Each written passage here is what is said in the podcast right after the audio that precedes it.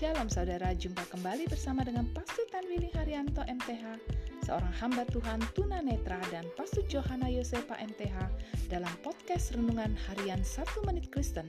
Di dalam podcast ini, kami membagikan kebenaran dari Alkitab yang dimulai dari kitab kejadian sampai kitab wahyu.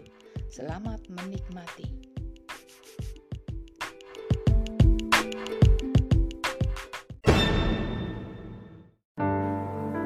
Shalom saudara-saudara yang sangat berharga di hati Tuhan. Firman Allah hari ini mau memberitahu kepada kita bahwa perjumpaan dengan Allah setiap hari itu merupakan hal yang penting. Perjalanan Yakub menuju padan Aram ke tempat pamannya Laban merupakan sebuah perjalanan yang sangat melelahkan.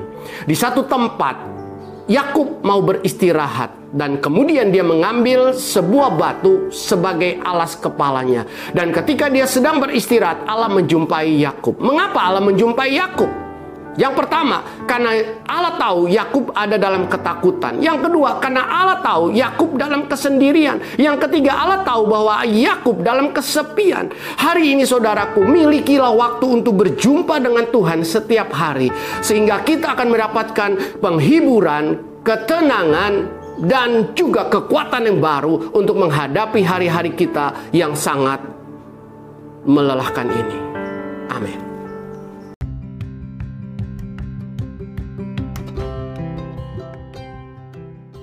Terima kasih saudara telah mengikuti podcast Renungan Harian 1 Menit Kristen.